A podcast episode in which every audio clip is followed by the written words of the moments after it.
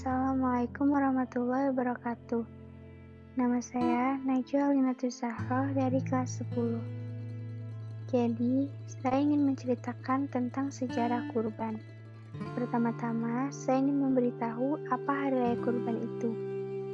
Hari Raya Kurban termasuk dari dua perayaan besar dalam agama Islam. Setiap tanggal 10 Zulhijjah berdasarkan penanggalan Hijriyah, umat muslim di seluruh dunia memperingatinya sebagai Hari Raya Idul Adha atau sebagai hari berkurban. Setiap tahun pada hari ke-10 bulan Zulhijjah itu, kaum muslim diperintahkan untuk menyembelih hewan kurban. Kambing, domba, sapi, dan unta umumnya dijadikan hewan kurban.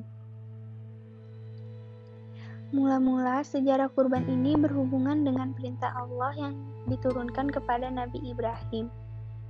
Oh iya, Nabi Ibrahim termasuk nabi terbaik yang mendapat julukan Ulul Azmi. Jadi, pada suatu malam, Nabi Ibrahim bermimpi.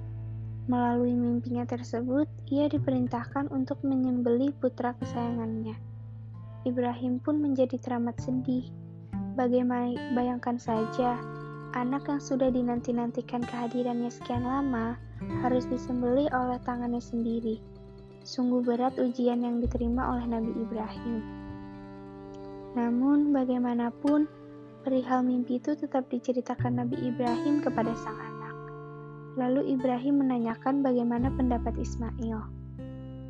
Nabi Ibrahim berkata, Wahai anakku, sesungguhnya aku bermimpi bahwa aku menyembelihmu.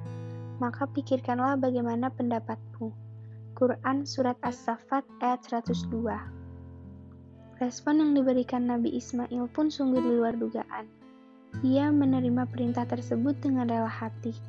Tentang kesabaran Ismail ini, Allah memujinya dalam Al-Quran. Lalu Ismail menjawab, Wahai ayahku, lakukanlah apa yang diperintahkan Allah kepadamu. Insya Allah engkau akan mendapatiku termasuk orang yang sabar. Quran Surat As-Safat ayat 102 maka tibalah hari saat ditentukan untuk melaksanakan penyembelihan. Ismail pun dibaringkan. Dengan mata basah berlinang air mata, Ibrahim memegang pedang yang sudah disiapkan.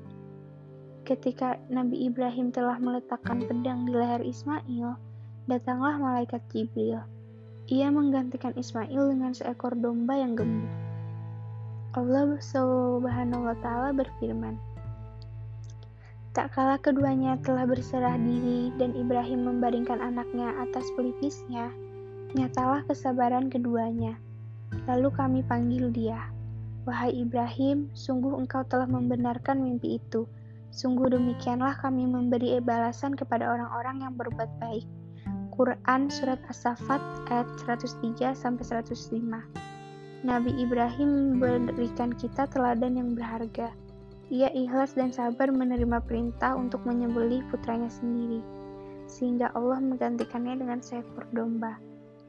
Ibadah kurban adalah simbol bagi setiap muslim untuk menyembelih dan mengorbankan kecintaan mereka terhadap hal duniawi agar mendapatkan keridoan dari Allah Subhanahu wa taala.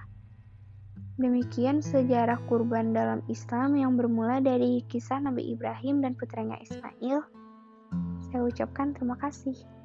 Wassalamualaikum warahmatullahi wabarakatuh.